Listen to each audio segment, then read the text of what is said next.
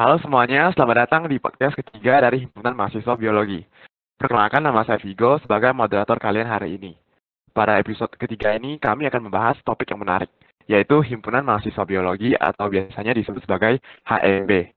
Nah, topik pembahasan hari ini cukup menarik loh, karena kita akan membahas mengenai bagaimana cara mendaftar untuk HMB sampai pengalaman-pengalaman yang seru yang ada di HMB.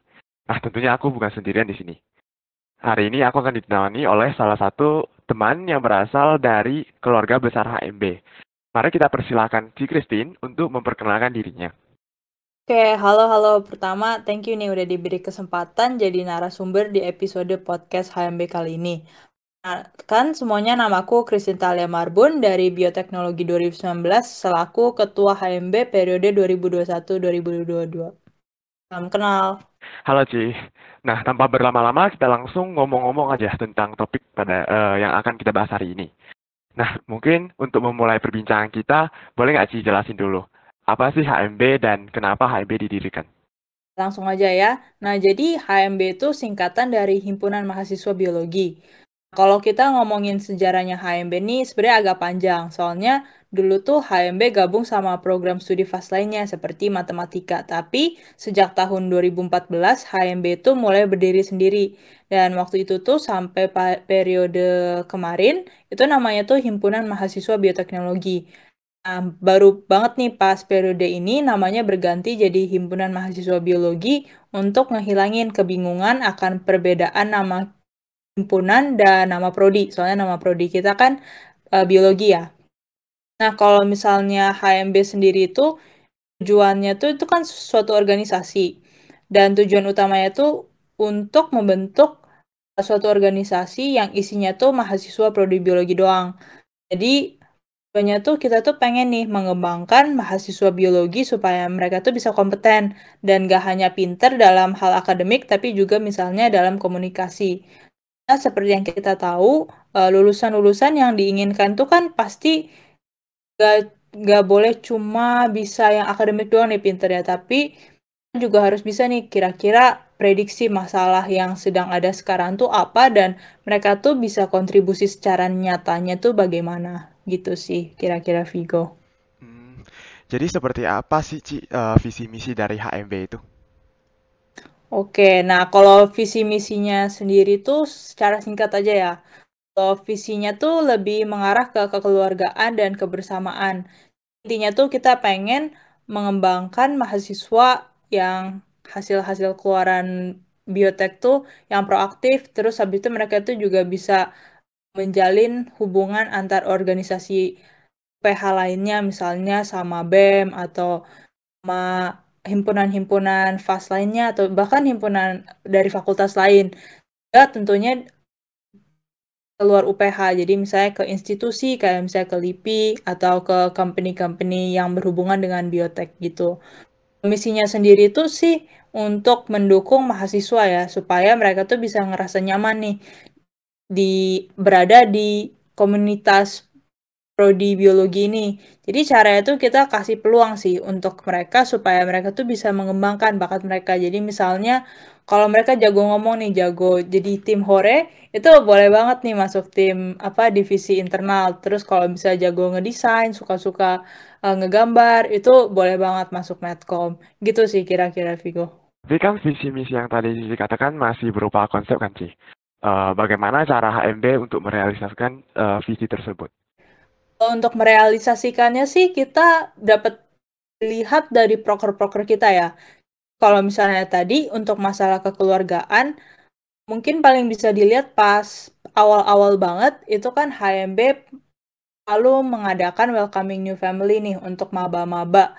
Jadi sebelum mereka masuk terjun ke dunia biologi nggak tahu apa-apa, kita kasih dulu nih uh, welcoming untuk kayak kasih tahu kira-kira experience seniornya tuh apa aja sih. Terus habis itu sharing day juga. Jadi sharing day itu lebih yang ke informal, jadi bisa ngobrol nih sama kakak-kakak kelas. Dan itu bukan cuma offline doang. Oh, kalau misalnya online nanti tuh mereka bisa ngomong lewat Zoom dan itu tuh bener-bener seru banget sih. Terus kalau misalnya untuk masalah memberi dampak ke lingkungan dan masyarakat, itu tuh bisa dilihat dari proker PML kita. Yaitu ada Act of Humanity sama Earth Watchers. Jadi itu misalnya menggalang dana, terus habis itu memberi donasi ke pihak-pihak yang membutuhkan. Spesifik. Oke, okay. uh, nah tadi uh, tadi Cici kan udah katakan bahwa sebenarnya ada banyak program kerja yang dilakukan di HMB kan Ci? Hmm.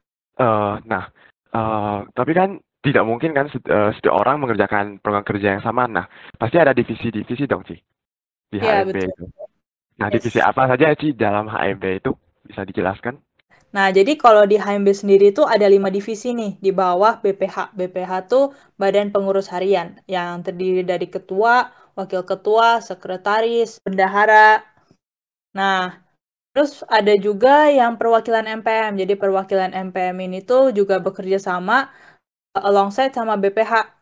Kalau untuk divisinya sendiri tuh ada internal, eksternal, pengembangan mahasiswa atau STUDEV, terus ada media komunikasi dan informasi, dan terakhir ada pengabdian masyarakat dan lingkungan atau PML.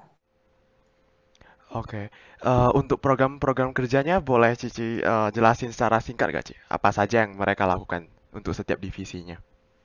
Oke, boleh banget, boleh banget. Jadi mulai dari internal dulu kali ya. Yang tadi aku bilang internal itu kan pokoknya mereka tuh pengen buat acara in the end bakal menjalin hubungan kekeluargaan gitu antara anggota prodi biologi. Contohnya tuh yang welfam, welcoming new family, terus ada sharing day, terus juga ada teachers day. Jangan lupain dosen-dosen. Jadi ada juga teachers day untuk mengapresiasi dosen-dosen prodi biologi. Terus kalau misalnya untuk eksternal, itu mereka bertanggung jawab untuk mempererat hubungan prodi biologi dan pihak luar. Contohnya tuh ada company visit, kayak misalnya kemarin tuh ke PT Otsuka yang buat Pokari. Terus ada juga institution visit ke LIPI. Jadi uh, anak-anak biologi tuh nggak cuma fokus ke akademik doang, tapi mereka juga bisa dapat gambaran nih. Kira kalau habis mereka lulus tuh kerjanya apa gitu. Terus selanjutnya ke Studev. Nah ini yang paling sering didengar ya mungkin. Mereka tuh bertujuan untuk mengembangkan kemampuan akademik atau non-akademik. Contoh prokernya ya podcast ini sendiri kan ya.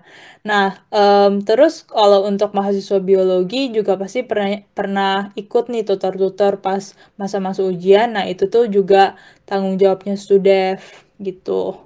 Terus ada Medcom Info. Nah, Medcom Info nih sih yang sebenarnya tuh prokernya nggak ada, tapi tanpa mereka HMB tuh nggak bakal jalan.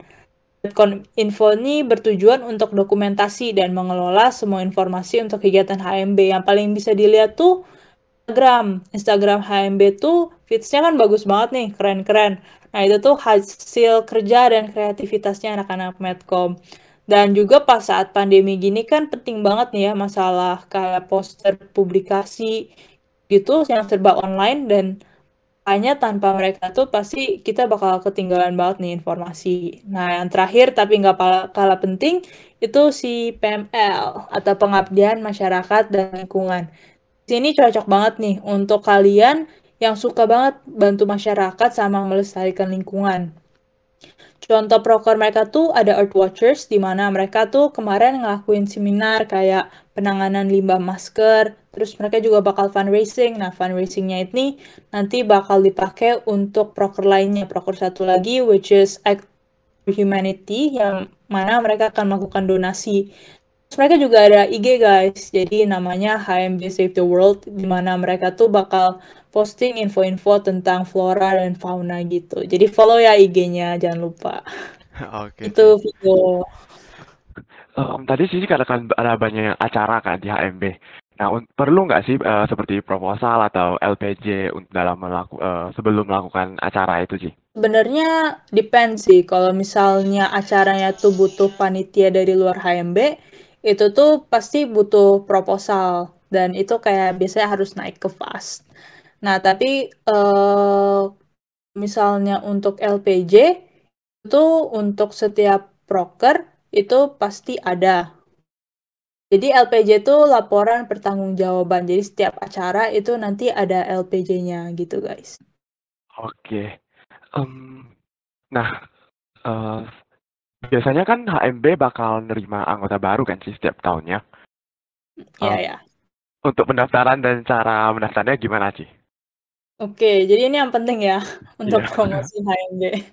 Nah, jadi HMB tuh bakal buka penerimaan sekitar bulan Mei akhir gitu. Jadi habis ketua dan wakil ketua periode yang baru tuh terpilih. Jadi itu kira-kira pas semester aksel, semester akselerasi nanti. Aja nih bakal di blast kok sama ketua atau wakil ketuanya di grup bioaktif juga di grup-grup kelas. Jadi tunggu aja. Nah, untuk pendaftarnya tuh biasanya nanti bakal ada Google Forms, terus kalian udah nanti tinggal isi aja gitu, dimintainnya apa. Paling penting sih isinya tuh CV, terus habis itu misalnya sertifikat pemimpinan, leadership gitu, stealth.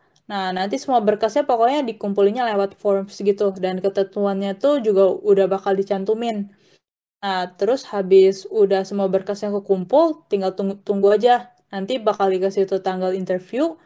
Sekalian interview, nanti 1 sampai 2 minggu habis interview bakal dikontak kok sama um, pihak yang berhubungan. Mereka tuh kalian bakal diterima atau enggak. Gitu sih, gampang kan ya? Oke sih. Uh, mungkin saya ingin bertanya sih, uh, lebih kepada uh, pertanyaan yang lebih personal gitu sih. Jadi, uh, kenapa sih Ci masuk HMB? Apa alasannya? Oke, alasan aku masuk HMB sendiri sih sebenarnya pengen memperluas hubungan sama teman-teman dan kakak kelas ya. Soalnya kayak kalau misalnya online sekarang pasti kan jarang banget nih ketemu sama kakak kelas kayak offline aja tuh udah jarang apalagi kalau online. Padahal kalau misalnya kuliah tuh kan pengen memperluas koneksi dan kayak cari-cari temen. Nah, makanya aku ikut HMB. Soalnya kalau HMB bukan cuma di prodi doang, tapi juga bakal membuka jalan supaya bisa interaksi antar jurusan kan ya. Apalagi pas zaman pandemi gini. Soalnya susah gitu ketemu teman-teman dari jurusan lain. Terus salah satu alasan yang penting juga pengen ngelatih kemampuan public speaking sih. Karena itu kan yang hal yang utama gitu yang dibutuhkan pas di dunia kerja. Makanya pas pertama kali daftar, itu tuh aku daftarnya eksternal. Jadi supaya bisa ngelatih gitu, bicara sama orang yang lebih tua gitu sih. Hmm. Uh, selama ini pengalamannya gimana sih di HMB?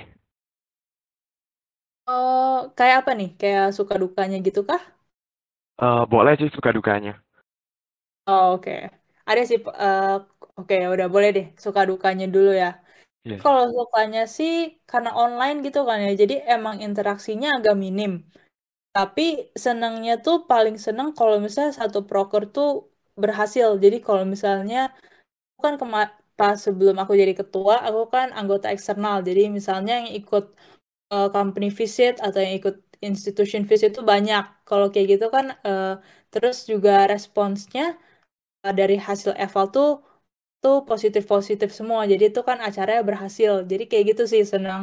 Terus habis itu juga pas jadi ketua paling proudnya sih kalau misalnya um, ngeliat divisi-divisi terus habis itu anak-anaknya tuh uh, semangat gitu pas mau ngelakuin proker yang baru gitu sih kalau sukanya.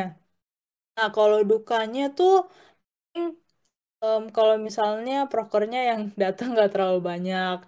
Terus habis itu kalau misalnya online kayak gini tuh sering banget miskom dan bisa jadi agak fatal gitu. Soalnya nggak bisa ketemu fisik, jadi semuanya harus lewat chat gitu.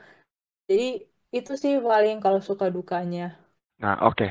uh, jadi selama di di HMB apa yang Cici dapatkan? Kayak value apa yang Cici dapatkan?